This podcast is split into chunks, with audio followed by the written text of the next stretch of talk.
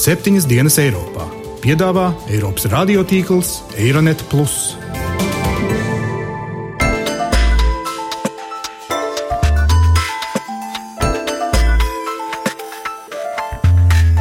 Šonadēļ septiņas dienas Eiropā dzirdēsim. Vai 2015. gadā ir bijis kāds notikums? Šis varētu būt tāds liels jautājumu gads. We are all Parisians.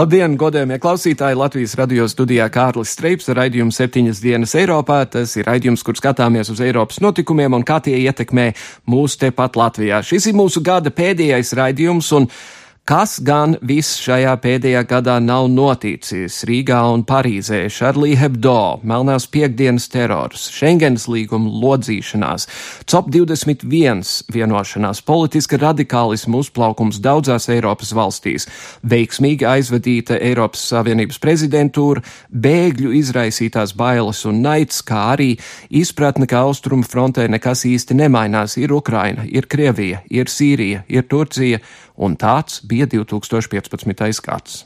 Par pagājušā gada spilgtākajiem notikumiem manas kolēģis Gitas Siliņas sižetā.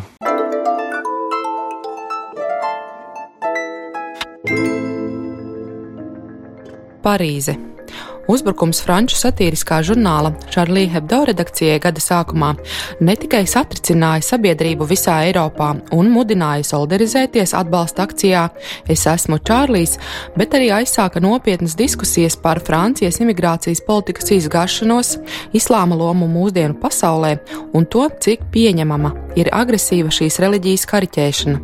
Arī par to, vai tas dažkārt nepārkāpj robežas virzoties ksenofobijas un rasisma virzienā.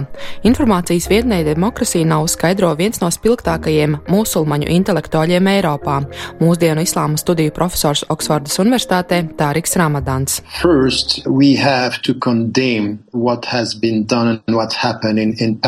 Pirmkārt, mums ir jānosoda, kas ir izdarīts un kas notiek Parīzē. Tas, ko viņi teica, ir tas, ka islāma pravietis ir atriebība. Un šis ir patiesais veids, kā jārīkojas. Nē, tā ir mūsu reliģijas un mūsu principu absolūta nodevība. Un tas nav pieņemams. Tas, kas noticis žurnālistiem, kas tika nogalināti, mana līdzjūtība ģimenēm un cietušajiem, tomēr es nepiekrītu viņiem, un viņi bija diezgan aizskaroši tajā formā, kā runāja par islāmu. Tāpēc ir nepieciešams ievadīt un iesaistīties kritiskā dialogā un kritiskās diskusijās par to, kas notiek Francijā un citur Eiropā. Musulmaņu organizācijas Francijā un citvietē Eiropā jau gada sākumā pauda viennozīmīgu nosodījumu teroraktam, skaidrojot, ka starp islāmu un terorismu nav liekama vienlīdzības zīme. Lielākā daļa musulmaņu uzskata, ka vardarbības iemesls ir aizvainojums un arābu tautu apspiešana, nevis teoloģija. Tikmēr teroristi savai slimajai izrādēji, kas domāta cilvēku un valstu rietumos iebiedēšanai, izvēlējās gredzenveida kompozīciju, jo savam vēl vienam asiņainajam uznācienam Parīzē lika notikt tuvu gada nogalē, tikko 13. novembrī, piekdienā, kad parīzieši un Parīzes viesi bija devušies pavadīt darba nedēļas beigas sev ierastos veidos - koncertā, sporta spēlēs un vienkārši kafejnīcu ārā terasēs. Tas esot bijis visai silts un patīkams vēla rudens vakars, kad daudzi cilvēki bija izgājuši baudīt dzīvi. Tāpēc uzbrukuma viens no skaidrojumiem ir vēršanās tieši pret franču dzīvesveidu, pret rietumu dzīvesveidu, un vietas tika izvēlētas tāpēc, ka simbolizē radikālajam islāmam netīkamas cilvēcīgas izpausmes. Par šiem teroraktiem Parīzē un tās piepilsētā Sendenī, kuros nogalināti 130 cilvēki, atbildību uzņēmās grupējums Daesh. Vēsturniece Una Bergmane, kura dzīvo Parīzē, izdevumā Rīgas laiks raksta: Nākamajās dienās sociālajos tīklos sāka cirkulēt sauklis Je suis on terrasse. Es esmu terasē, un presē parādījās joki par kafijas dzeršanu pie ārā izliktiem galdiņiem kā pretošanās aktu. Un tomēr cilvēki sāka vairāk baidīties un veikt visdažādākos drošības stiprināšanas pasākumus. Šī bija pirmā reize kopš otrā pasaules kara, kad visā Francijā tika izsludināts ārkārtas stāvoklis. Lai palīdzētu policijai nodrošināt kārtību, Parīzes ielās tika izvietoti 1500 karavīri. Terora uzbrukumi notika par spīti tam, ka drošības iestādes Francijā strādāja pastiprinātā režīmā jau kopš gada sākuma, un nedēļu pirms uzbrukumiem tika ieviestas pārbaudes uz robežām, gatavojoties 30. novembra ANO klimata konferencei Parīzē. Tikmēr liela daļa sabiedrības uzskata, ka pie visa ir vainojama tieši islāma reliģija, tādēļ aizvien histēriskāk aicina ierobežot imigrāciju. Francijas Nacionālās frontes partijas līdere Marina Lepēna pat rosināja sarīkot referendumu par nāvis soda atjaunošanu, kā arī Schengenas zonas atcelšanu. Pret imigrāciju noskaņotās partijas visā Eiropā tagad veikli izmanto Parīzes apšaudes kā pierādījumu, ka viņu bažas un brīdinājumi par Eiropas islamizāciju bijuši patiesi. Rīga. Terorakta ēnā sākās arī Latvijas prezidentūras Eiropas Savienības padomē pusgads janvārī. Jau lietuvieši par savu pieredzi prezidentūrā apgalvoja, ka var plānot un solīt cik vēlas, bet katras prezidentūras kursu noteiks ārēji apstākļi un notikumi. Turklāt neprognozēti. Lietuviešiem bija naudens, itāļiem Ukraina un sankcijas. Kopumā Latvija un Rīga saņēma atzinīgus vārdus ne tikai par drošības speciālistu profesionalitāti, bet par aptuveni 200 dažāda līmeņa ar prezidentūru saistītu pasākumu koordinēšanu un organizēšanu, par kuru centrālo norises vietu bija kļuvusi Latvijas Nacionālā bibliotēka jeb Gaismas pils. Šis gan nereti bija savdabīgs izaicinājums ierindas rīdziniekiem. Sevišķi, ja bibliotēkā bija iecerēts pavadīt laiku, piemēram, apkopojot vajadzīgo studijām, kuru katru dienu šāda aktivitāte nebija iespējama. Noslēdzoties Latvijas prezidentūrai, kā galvenie panākumi tika norādīti vienošanās par Eiropas strateģisko investīciju fondu, enerģētikas savienības izveide un paveiktais darbs pie digitālā vienotā tirgus. Savukārt prezidentūras izskaņā Rīgā norisinājās Austrumu partnerības samits. Gatavojoties notikumam, trīs asociācijas līgumu parakstījušās valstis - Gruzija, Moldova un Ukraina cerēja, ka tām tiks dots skaidrs signāls par iespējām nākotnē iestāties Eiropas Savienībā. Tomēr jau laicīgi tika norādīts, ka paplašināšanās nav šī samita dienas kārtībā. Samita galvenie temati bija laba pārvaldība, mobilitāte, ekonomiskās attiecības un tirzniecība, un nevis pretkrieviska noskaņojuma veicināšana, kā to pirms tam skandēja Krievija. Eiropadomes priekšsēdētājs Donalds Tusks skaidroja, ka Eiropas Savienības mērķis ir palīdzēt partnerības valstīm pašām pārveidot savas sabiedrības, tādējādi padarot tās izturīgākas pret ārējo spiedienu. Un, lai arī Rīgas samitā nekādi izšķiroši paziņojumi netika pausti, tika radīta sajūta, ka sadarbība virzīsies uz priekšu. Patience. The Riga summit is not about uh, announcing giant steps forward. No. Rīgas samits nav paredzēts, lai izsludinātu gigantiskus soļus uz priekšu. Nē, mūsu partnerība veidosies, dodoties uz priekšu soli pa solim, tāpat kā Eiropas Savienība tika uzcelta, un šajā kontekstā soli pa solim nozīmē reālu progresu tirzniecības, enerģētikas, mobilitātes jomās un tajās reformās, kas interesē arī mūsu partnerus un Eiropu kopumā. Austrumu partnerība nav skaistuma konkurss starp Krieviju un Eiropas Savienību. Taču, jāsaka atklāti, ka skaistumam ir nozīme. Ja Krievija būtu nedaudz maigāka un pievilcīgāka, iespējams, tai nevajadzētu savus trūkumus kompensēt ar destruktīvu agresīvu un iebiedējošu taktiku pret saviem kaimiņiem. Prezidentūrai tika veltīti daudzi labi vārdi un atzinīgi izteikumi par sasniegto, taču tika vēstīts arī, ka, piemēram, Eiropas parlamenta deputāts Roberts Zīle prezidentūras galveno notikumu Austrumu partnerības samitu nodēvēja par izgāšanos. Savukārt Latvijas ārpolitikas institūta direktors Andris Sprūts mēdījiem pauda, ka samitā pieņemtā tā dēvētā Rīgas deklarācija nesniedza atbildes uz fundamentāliem jautājumiem, lai gan kopumā to vērtēja kā veiksmīgu, nosaucot to par intelektuālās un diplomātiskās vingrošanas rezultātu, jo neviens nenonāca pretrunā ar sevi un visi palika apmierināti. Atgriežoties Parīzē. Īru rokgrupa YouTube 6. decembrī koncertā Parīzē pieminēja novembra teroraktos bojā gājušos. Lai dzīvo Francija, klausītājiem teica YouTube solists Bono. Tonight we are all Parisiens. Šovakar mēs visi esam parīzieši. Ja jūs mīlat brīvību, tad Parīze ir jūsu pilsēta.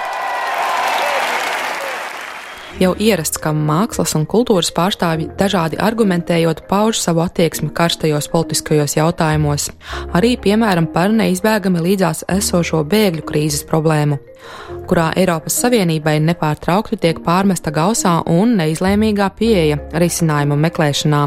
Ar to sastopamies visi, kā rīdzinieki, tā parīzieši un ik viens domājošs cilvēks Eiropā. Pēdējo piecu gadu laikā pasaulē ir izcēlušies vairāk kā desmit bruņoti konflikti, un lielākais bēgļu skaits ienāk Eiropā tieši no konfliktu skartajiem reģioniem. Sīrija, Turcija, Eģipte, Lībija, Irāna, Daesh, Bailes un Naids, Asats ir jēdzieni, kas pat laban iet roku rokā Eiropiešu apziņā, saskaroties ar bēgļu jautājumu. Tikmēr analītiķi norāda, ka agresīvi vairojas nepieciešamība veikt diplomātiskās sarunas, jo aizvien vairāk valstu iesaistās konfliktā. Spriedze ir arī pieaugusi kopš Turcijas armija notrieca Krievu lidmašīnu. ASV Vācijas Maršala fonda eksperte Rosa Baltfora raidstacijai Euronet Plus skaidro, ka nedrīkst apstāties un nedomāt, jo ir jābūt gataviem, ka incidenti turpināsies. Sīrijas konflikts ir pārveidots, tas ir citāds nekā bija sākumā. Tas sākās kā pilsoņu karš un pārtapa par starpnieku karu. Tagad tas kļūst par pasaules karu, un tas ir ļoti bīstami. Tik ilgi, kamēr mums ir tik liela nestabilitāte Sīrijā, kas tik ļoti ietekmē kaimiņu valstis, šīs katastrofas notiks atkal.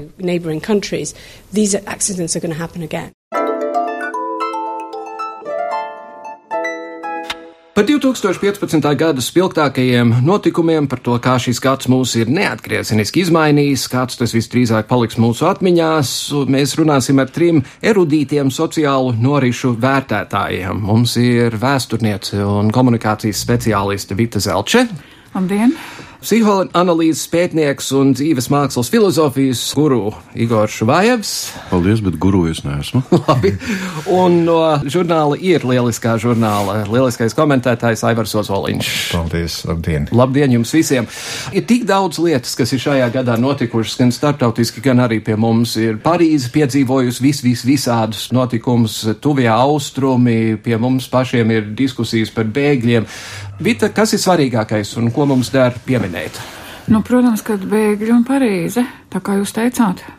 Un, protams, ka tikai vēsture rādīs, vai šis ir sākuma punkts, vai tas ir noslēguma punkts, un varbūt tas ir kaut kāds viduspunkts noteiktiem procesiem, kas risināsies nākamajos gados vai nākamajās desmitgadēs. Drīzāk šis varētu būt tāds priekšnākotnes lielo jautājumu gads. Un ņemot vērā to, ka tuvo austrumu lieta ir gājusi jau gadu, gadu, gadu desmitiem, sākot ar to, ka pēc Pirmā pasaules kara vienkārši apsēdās cilvēki ar karti un uzzīmēja dažādas valstu līnijas, nedomādams par ciltīm un pāriem, man jau liekas, ka drīzāk te ir kaut kāds viduspunkts un beigas nav redzamas. Vai tas ir viduspunkts vai sākums, tas ir drīzāk jāskatās Eiropas kontekstā, jo lielās līnijās, protams, ka Eiropa tagad maksā cenu par bijušo koloniālismu laikmetu. Jo tā vai citādi Eiropa izplatot savu ietekmi, tīpaši 19. gadsimtā visā pasaulē un veidojot kolonijas citās pasaules daļās, cīnoties par pasaules tirgiem to brīdi, katrā ziņā nedomāja par mums šobrīd 21. gadsimtā, kā mēs jutīsimies ar tiem procesiem, kas tika iekustināti jau, teiksim, nu, jau 150, 200 gadus atpakaļ. Tas liekas svarīgākais. Gads bija raips, protams, bet es nedomāju, ka tas kaut ko pilnīgi neatgriezeniski maina vai kaut ko noslēdz. Tu pieminēji dažus svarīgākos notikumus, bet nepieminēji to, ko mēs gada sākumā uzskatījām par vissvarīgāko, proti, Grieķijas krīzi. Arī. Pagājis gads, un viss jau ir aizmirsuši un pieraduši. Es gribētu salīdzināt ar iepriekšējo, 2014. Krievijas iebrukums Ukrainā gan bija kaut kas tāds, kas mainīja priekšstats par drošību Eiropā. Tas tiešām fundamentāli mainīja to. Pirmo reizi, kopš otrā pasaules kara, ar varu tika mainītas valstu robežas Eiropā. Salīdzinājumā ar to pašreizējā lielākā krīze, kā bēgļu krīze, nu nemaz tik liela arī nav. Arī līdz šim Eiropā katru gadu iebrauc 3 līdz 4 miljoni cilvēku. Visi dienesti ar to tika galā vienkārši pašlaik Eiropa nebija gatava straujam un krasam, tik krasam pieplūdumam, ko izraisīja karš Sīrijā, un uh, lielas daļas sīriešu bezcerību sagaidīt kaut kādu risinājumu turpat. Krievijas iesaistīšanās karā Sīrijā šo bezcerību vēl tikai paildzinās, tā ka šī problēma noteikti turpināsies arī nākamgad, bet tā nav tāda krīze, ko varētu salīdzināt ar dažām citām, kurām Eiropa ir veiksmīgi tikusi galā. Ko jūs kristietība tiek iznīcināta, latviešu tauta tiek iznīcināta? Nu, pa, ir jau atsevišķas partijas visur, un, protams, ksenofobiskās un baiļu noskaņas pieaug kā vienmēr no viskaut kā svešā, bet Es, teiksim, retoriski vaicātu, vai panika šogad bija, teiksim, pa Latvijas valsts nākotni daudz lielāka nekā, teiksim, 2008. gadā, kad mēs bijām uz bankrota robežas. Es domāju, ka diez vai. Es domāju, ka diez vai. Protams, troksnis bija liels, bet vai tiešām cilvēkos ir tik milzīgi baiļu sajūta un bažas par mūsu valsts pastāvēšanu, es nedomāju. Profesor, kā jūs atskatīsieties uz šo gadu? es esmu tagad lielās sprukās. Jo, manuprāt, iespējams, visticamāk, ka katram cilvēkam ir bijis kāds notikums, nozīmīgs, svarīgs, bet vai 2015. gadā ir bijis kāds notikums, es arī šaubītos, vai ir bijis kāds notikums. Parīzes šis terorakts, nu īstenībā tas bija atgādinājums, ka rietumu pasaulē cilvēki mirst, ka nāve ir bezjēdzīga, pēkšņi atskārta, lai gan īstenībā tas bija saprotams, kuru katru brīdi. Šo tuvo austrumu pieminēšanu Ziniet, ja paskatās nedaudz plašākā skatījumā, nu, teiksim, sākot ar 18. gadsimtu. Ar 18. gadsimtu nu, sāk veidoties jauna tipa Krievijas impērija, tiek iekarota Krīma, pēc tam seko konflikts ar Turciju, starp citu ļoti liela interese par Sīriju, pēc tam par Grieķiju. Nu, 20. gadsimta beigās, 21. gadsimtā vēlreiz kaut kas ļoti līdzīgs atkārtojās. 20. gadsimtā veidojas tāda jauns impērijas paveids, kā padomu Krievija, un, starp citu, tiek veidots kaut kas līdzīgs tam, ko šobrīd saka, ka esot arī Sīrijā kaut kas līdzīgs kā organizācija. Tehniskais izpildījums ir mainījies, bet lielā mērā šādas norises ir visai ilgstošas, un, protams, cilvēkam gribas izraut kādu atsevišķu gabaliņu un pateikt, tas ir notikums. Kopumā skatoties, manuprāt, notikumu nav, lai gan Iespējams, ka kaut vai tas pats Parīzes slaktiņš tiešām ir savā ziņā vēsa dušā atgādinājums, ka cilvēki mirst, ka nāve ir bezjēdzīga, jo es atvainos visā pasaulē. Un ap tā saukto Eiropu cilvēki tiek slepkavot ikdienu, ik brīdi, bet to tā sauktie Eiropieši īsti nepamana. Un tāpēc, ja pieminēju par tām kolonijām, varbūt Latvijā derētu izdot Frans Fanonu grāmatiņu šīs zemes nulādētē, un tad varbūt saprast, kas ir tiem cilvēkiem prātā, kas ir dzīvojuši ilgstoši šajās kolonijās. Mhm. Proti, mēs paši Arī. Jo, ja mēs raugamies uz Krievijas impēriju, tad, protams, kad uh, jau vēl arī pirms šī 18. gadsimta Krievijas impērija arī sāka pārtapt par milzīgu koloniālo valsti, tikai atšķirībā no Rietuma Eiropas uh, zemēm, kas devās uh, kolonijas iekarot pāri jūrām, Krievija vienkārši pletās plašumā, jo tai apkārt atradās vai no salīdzinoši mazāk attīstīti apgabali vai augst attīstīti apgabali ar vājām militārām struktūrām. Un tādējādi arī, protams, kad eh, Krievijas impērija ir šī mazdrusciņa tā kā formāli geogrāfiskā skatījumā cita tipa kolonija nekā, teiksim, Lielbritānija vai, vai Francija. Un tāpēc arī šeit ir tāds varbūt tomēr salīdzinājumi, ka arī karš par Ukrainu ir vēlreiz šo koloniālo tieksmju atdzīvošanās. Mums bija īpaši pagājušajā gadā šis īpašais stress, vai tik Krievija kaut ko nesadomās darīt arī ar Baltiju, kas eh, Krievijas koloniālajā politikā Aleži ir bijis ļoti iekārots kumos. Nu, ja. Kad tu teici, ja es kaut ko nepieminēju sākumā, man likās, ka tu runāsi nevis par Grieķijas krīzi, bet par to, ka veselu pusgadu Latvijas republika bija Eiropas Savienības prezidējošā valsts. Un kaut kā liekas, ka tas nu gan ir aizmirsts, un vai vispār kāds to īpaši pamanīja, kamēr tas tā bija. Nu, to jau nemitīgi mums atgādināja ar to, ka straujuma valdība kritīšot līdz ko būs prezidentūra galā, pēc tam kritīšot tad, kad līdz ko budžets būs pieņems, tā kā to bija grūti aizmirst un nepamanīt. Jā, Jā es domāju, ka pamanīja gan, pamanīja ne tikai Latvijā, es nezinu, varbūt Latvijā kāds nepamanīja, bet citur Eiropā noteikti pamanīja, ka ļoti veiksmīgi, tehniski veiksmīgi novadīt uh, prezidentūru, kas Latvijai bija pirmo reizi šāds pienākums, un jau tas vien, ka nekādas krīzes satricinājumi un ķibeles negadījās, jau tas ir panākums. Nu, protams, nāks dzirdēt joprojām, nu, un būs vēl kādu laiku jādzird pārmetumu, ka varbūt Latvija neizmantoja šo savu īpašo kaut kādu stāvokli, lai bīdītu kaut kādas savas intereses vairāk, bet, nu, te jāskatās tomēr tas, ka tehniski viena valsts vada prezidentūru, nenozīmē, ka šī valsts nosaka dienas kārtību. 28 valstu Eiropas Savienībā spēlētāji principā jau ir tie paši. Mums bija vienkārši jāorganizē pasākumu lielā mērā. Var jau būt kāda no tiem varēja kaut kā kādreiz vairāk izmantot, bet tās ir debats nu, par to, kas varētu būt, ja būtu, ja nebūtu. Bet mm. kopumā jau ļoti veiksmīgi, manuprāt, novadīt prezidentūru. Bet man ir jautājums, tad vai kāda valsts līdz šim ir neveiksmīga? Bijusi prezidējošā valsts? Nē, es pētīs prezidentūru vēsturi tā īpaši. Bet es varu iedomāties, ka ir bijušas visādas aizķeršanās problēmas ar loģistiku vai vēl kaut kas īpašs. Nu, droši vien tādā ziņā kaut kas ir noticis, bet Latvijā nu, es kaut kā nepamanīju, ka būtu. Nē, ir mēdījos bijuši norādes par sekmīgākām un nesekmīgākām prezidentūrām, piemēram, par mūsu kaimiņu valsti, tur tāda sajūsma nebija. Mēs esam bijuši labāki, un mm. nākamā kaimiņu valsts tā kā lūkosies uz mums.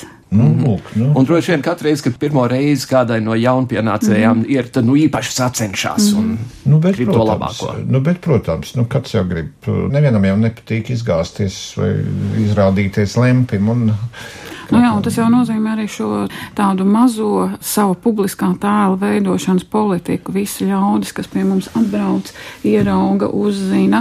Un, piemēram, arī, ja mēs runājam par mēdījiem, tad tieši prezidentūras gada ietvaros jau pie mums notika šāds lielisks pasākums, kā UNESCO veidotā preses vai vārdu brīvības diena, kas ir arī atgādinājums par ļoti būtiskām un demokrātiskajām vērtībām. Un arī uzreiz ļoti daudz, teiksim, mēdīju cilvēku, kas ierodās pie mums un varbūt arī savā domāšanā, savā izpratnē par pasauli Latviju integrē kā sastāvdaļu gan mediju jomā, gan demokrātijas, gan kopējā Eiropas izpratnē. Tam pilnībā var piekrist. To, ka Latvijas kā stabils, normāls, teiksim, tā valsts tēlu šī prezidentūra noteikti veicināja ne tikai jūsu pieminētais pasākums, bet, piemēram, austrumu partnerības mm -hmm. galotņu tikšanās, kas arī bija nozīmīgs notikums. Latvija cienījami un godam visu to organizēja, uzņēma viesus. Cilvēki brauc uz normālu Eiropas valsti, kas var uzņemties pat visas Eiropas Savienības prezidentūras vadību. Nu, jā, es vēl drīkst piebilst šajā pašā stēmas ietveros, tad um, Latvija varbūt mums par pārsteigumu vai pašiem par samulsumu ir kļuvusi par tādu parauga zemi Krievijas acīs, teiksim, demokrātiski domājošo Krievijas Krievu acīs, kas Latvija visvairāk uzskata kā paraugu pēc kā tiekties vai kam censties līdzināties. Arī tas bija redzams šajā UNESCO preses brīvības dienā gan arī, teiksim, sarunās ar Krievu kolēģiem kaut kur Eiropā, ka ir noticis tāds maz drusciņ tā kā dīvains lūzums viņu skatījumā uz uh, Latviju, kā uz apskaužām zemi. Nevis kā bijušo koloniju vai zemi ar teiksim, kādu dīvainu etnisko politiku vai tam līdzīgi, bet kā uz tuvāko, bet iespējamo demokrātijas paraugu. Tā skaitā ir krievu žurnālisti, kas te ir patvērumu atraduši. Nu, jā, un veiksmīgi strādā. Jā, turklāt, es nezinu, tas jau būtu psihoanalītiķi, varbūt vairāk jāvaicā, jo tur grūti izmērīt šīs kategorijas, teiksim, kā sabiedriskās apziņas nopīdē, bet es varu atsaukties tikai, nu, protams, ļoti subjektīvo sajūtu, ka, piemēram, pirms gada diviem parastais tonis gan presē, gan vairāk sociālajos tīklos bija šis nemitīgais, nemitīgais piedzīvājums par neizdevušos valsti. Jā. Ja pat nu, nu, grāmata tikko iznākus krieviski vēl. Tieši tā ir tā Nu, nosaukuma. tā ir inerce. Kaut kā droši vien vēl strādā. Nu, ka nekā mums nav, viss ir sabrucis. Pat cukurfabriks ir iznīcināts, mm -hmm. iedomājieties. Un, nu, nu, nekā nav. Nu, tad tūlīt jau valdība ir impotenta, bezcerīga. Jebkura, kas ir mums bijusi. Un, un, un, un viss ies grīstē, tas tikai laika jautājums. Mēs te visi sabruksim, visi aizbēgs, te nekā nebūs. Es kaut kā pēdējā laikā nu, varbūt tas ir tikai mans subjektīvais iespējas, bet es kaut kā to mazāk jūtu. Mm -hmm. Tēmas ir mainījušās kaut kādā veidā. Ir tā vaidēšana pārsviedušies uz, uz tiem svešajiem, kas te nāks un iznīcinās mūsu brīnišķīgo Latviju. Nevis, lai tas ir tas, ka mūsu Latvija nekam neder. Nu, laimīgā kārtā Turcija notriec lidmašīnu, vismaz no mums ir drusku uzmanība novērsta, profesor. Nu, jā, varbūt to varētu nosaukt, par ko iepriekš runāju, varbūt to varētu nosaukt tādā vārdā, kā sociālais mazohisms. Tiesa šis sociālais mazohisms pārojās ar tādu graušanu vai vēlmi sagraut. Manuprāt, tas tomēr Latvijā īpaši nav mazinājies, tikai iegūst cits izpausmes formas, bet tik tiešām var būt aizvien vairāk un kā kaut kas pašsaprotamāks eh, kļūst tas, ka ir elementāra pašcieņa. Un, manuprāt, šī pašcieņa tiešām pēdējos gados tomēr ir pastiprinājusies, un, ja ir pašcieņa, nu, tad arī mierīgāk var raudzīties uz apkārtējo. Tiesa ir daži histēriķi, kur saka, ka tagad sabrauks te visādi un viss iznīcinās, bet eh, šī pašcieņa kļūst par normu. Manuprāt, tas ir brīnišķīgi. Un tikai retums, piemēram, parādās eh, tāda ziņa, ka, lūk, kāda Latvijas raidorganizācija ir aizsūtījusi savu korespondentu uz Eiropu. Manuprāt, beidzot ir saprast, ka Latvija ir elementāra Eiropas sastāvdaļa un, nu, ja ciena sev, tad tas tā ir. Ja nē, tad dēvē sev par austrumu eiropiešiem vai nezinu ko vēl. Jā, nu to es arī esmu pamanījis par mūsu korespondentu Eiropā, kur nemaz tik slikti nestrādā, bet kāpēc viņai šādu titulu televīzijas vadība piešķīrusi, es tiešām nezinu. Nu, varbūt kontekstā Eiropas Savienība, mūsu korespondents Briselē. Nu, Briselē, nu, varētu iebilst, nu, kas tad tā Brisele tāda, nu, viena pilsēta, vai, nu. Un diez vai labāk par Rīgu. Nē, nu, bet slikti Nu, ir maz. Slikti ir tas, ka tu Man, es labāk dzīvoju Rīgā. Korespondenti ir tik maz Eiropā, jo, ja viņi būtu vairākās pilsētās, ja mēs salīdzinām ar 20. gadsimta 30. gadu jaunākajām ziņām, šim laikrakstam korespondentu Eiropā bija daudz vairāk nekā šobrīd Latvijas televīzijai vai Latvijas rādio. Kā lai arī mēs ar tevi arī esam korespondenti Eiropā? Mēs esam galā, kur tad mēs esam citur, ja ne Eiropā? Jaunākajām ziņām bija vairāk naudas nekā Latvijas televīzijai. Nu, tā izskatās. Nu, bet, ap citu, ja pa- piemin tas jaunākās ziņas, ir vēl viens laikraksts no tiem laikiem, ko velti šobrīd eh, neatceras. Tas ir Sivodņa. Krievu laikraksts, kas principā ir liberālākais, gandrīz vai laikraksts, bet liberālākais nevis tā kā pie mums Latvijā uzreiz sāks lamāties par to, bet, nu, teiksim tā, brīvdomīgākais izdevums. Bet to jau tagad var salīdzināt ar, ar portālu Medūza, jo, jā, Sivodņa bija orientēts uz pārsvarā uz antikomunistisko Krievu emigrāciju, jo viņiem bija gan eh, Rīgas versija, gan Eiropas versija, ko viņi izdeva. Tā Medūza tagad ir orientēta arī ne uz šeit lasošo lasītāju, bet uz uh, krieviski lasošo viskaut kur pasaulē. Jā, mums laiks iet uz priekšu. Es gribētu pieminēt divas lietas, kas eh, šogad notika, kas bija tādas priecīgākas lietas. Pirmkārt, eh, šo pavasaru Rīgā notika Eiropas praids, un par spīti tam, ko paredzēja jūsu pieminētie histēriķi, debesis nenogāzās. Bet tajā pašā laikā saima joprojām saka, nu nē, tur nav nekādas intereses runāt par partnerattiecību likumu vai jebko tādu. Vai praids bija kāda zināmā veidā lūzumpunkts, jūsuprāt? Dažiem bija, tāpēc mēģina tagad panākt idiotisks eh, likumības grozījums. Ja nevar vienā vietā, tad mēģina to citā veidā izdarīt. Jā, jo te ir, teiksim, solis uz priekšu un solis atpakaļ. Piemēram, praids vēsta par šo domāšanas atbrīvošanos un arī par demokrātisko vērtību un cilvēku cieņas pieaugumu vai attīstību šeit. Tad no otras puses šie likumības eh, likuma grozījumi ir solis atpakaļ, un te es arī vēl klāt pieliktu labi zināmo un ļoti populāro VDK dokumentu izpētes komisiju, jo arī šīs komisijas uzdevums ir runāt par morāliem jautājumiem, nevis meklēt noziedzniekus un tam līdzīgi, bet morālos jautājumus nedrīkst risināt ar komisijām. Tāpatās kā par likumību komisija, tas ir tā vai citādi diktētas zināšanas, to nosaka šis formāts. It īpaši, ja tā ir politiska komisija. Jā, tātad, jebkurā gadījumā tā nav šī brīvā intelektuālā debate un doma apmaiņa. Lai arī, protams, iespējams šī komisija izdarīs pozitīvu darbu, bet no otras puses šī komisija darbojās, lai sacietinātu cilvēku prātus ar to, ka zināšanas morālās vērtības iet caur komisiju. Tāpat mm -hmm. arī šie likumības likuma grozījumi un ieteikumi uz skolu programmām ir arī vēl viens solis drīzāk iet šī prāta sacietināšanas virzienā, nevis lai, teiksim, runātu vai piedāvātu, teiksim, demokrātiskākus modeļus kopējai izglītības sistēmai un eh, drīzāk nodarbotos ar savstarpējās cieņas audzināšanas pasākumiem, kas nav tikai skolu lieta, bet, teiksim, mēdīja lieta. Nu, piemēram, kā mums tikt vaļā no tā, lai uz ielām nelamājās rupjā krievu valodā, gan latvieši, gan krievi. Kā, piemēram, panākt to, lai kaimiņš kaimiņu netraucē ar skaļu mūziku vai ar celtniecības darbiem. Tātad veidot šīs cieņpilnās attiecības, ko arī, teiksim, nosaka demokrātisks eh, sadzīvošanas modelis. Bet es pie tā praida gribētu tomēr atgriezties, jo dažas iezīmes, manuprāt, tiešām bija tādas, kas vieš eh, cerību. Pirmām kārtām tajā piedalījās pasākumā daudz jauniešu, dažādi jaunieši. Tas ir bija iepriecinošais. Un otrā iezīme, manuprāt, varētu teikt, ka tas viss pasākums bija sava veida. Cilvēki priecājās, un tas bija, tā bija prieka diena. Un, manuprāt, tas ir ļoti pozitīvi. Mm -hmm. Tas ir iemācīties priecāties, būt priecīgiem. Nu, tas priecāties par cita prieku. Arī. Arī.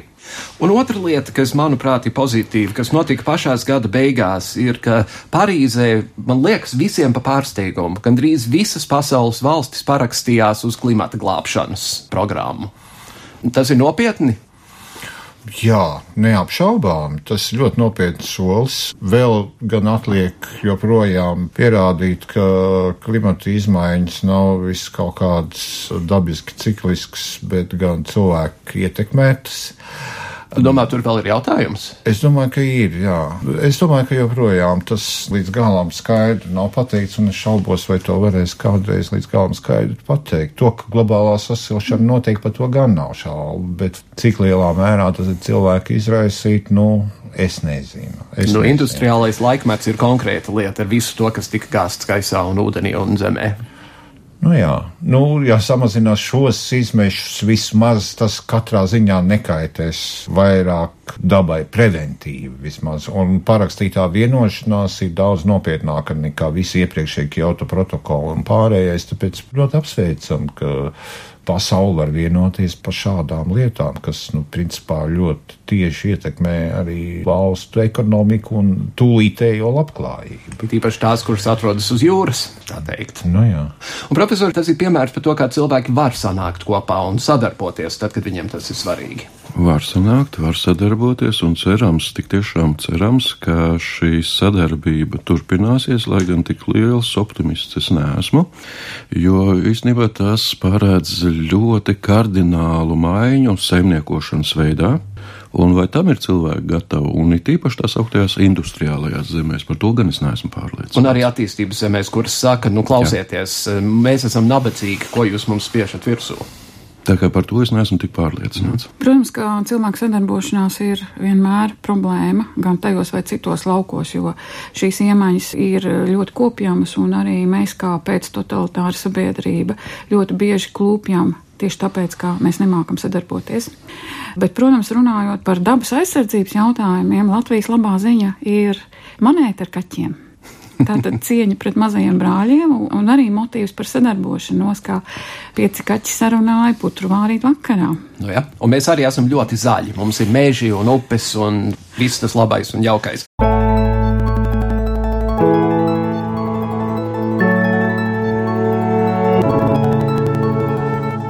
Skatoties uz priekšu, uz 2016. gadu, acīm redzot, eh, mūsu politiķi nav bijuši nekādā lielā steigā izveidot jaunu valdību, labi, straujumi aizgāja.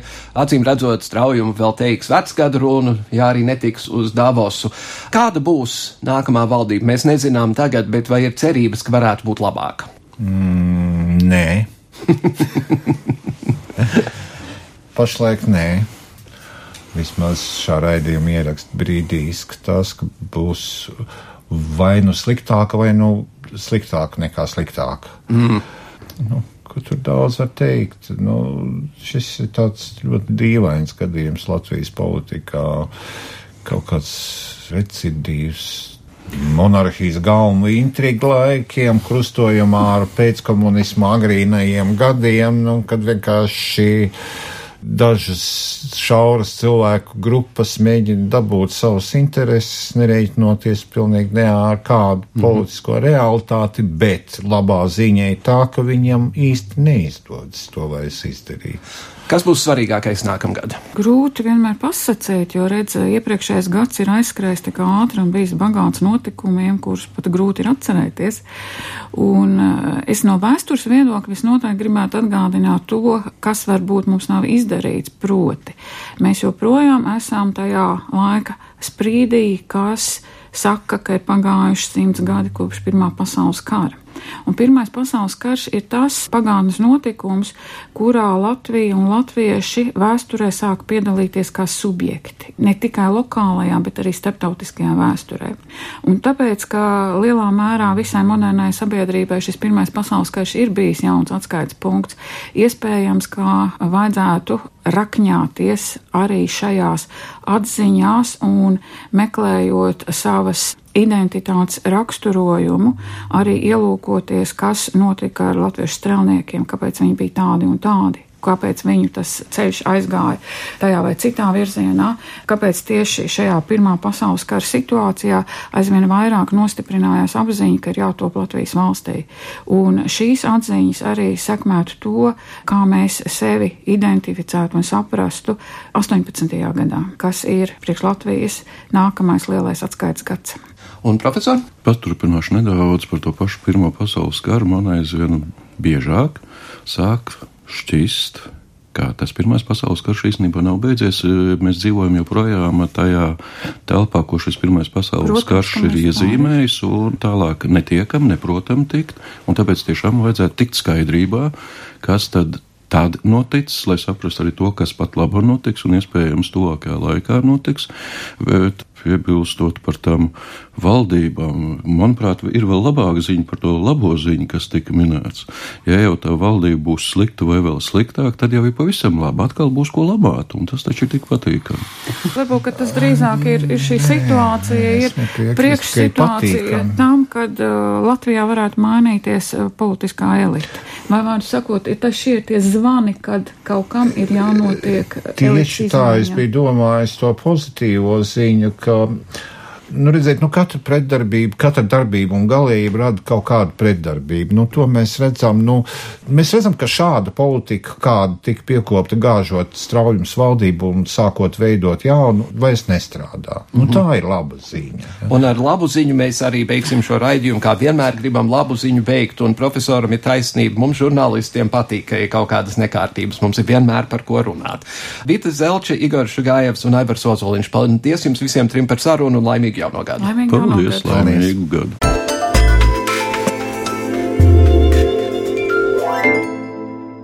Ar to arī izskan šīs nedēļas septiņas dienas Eiropā. Dāmas un kungi, laimīgu, laimīgu, laimīgu jums 2016. gadu. Es ceru, ka piepildīsies viss, ko sirds vēlās, ka veselība būs laba, ka naudas būs daudz un ka jūs turpināsiet klausīties šo raidījumu. Līdz nākamreizei, visu labu!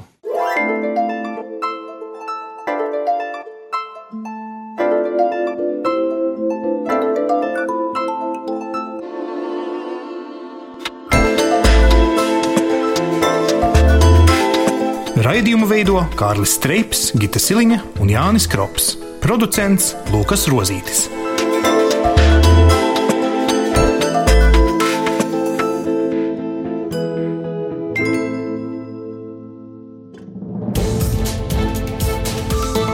Visus Eironet plus sižetus un raidījumus meklējiet Latvijas radio mājaslapā.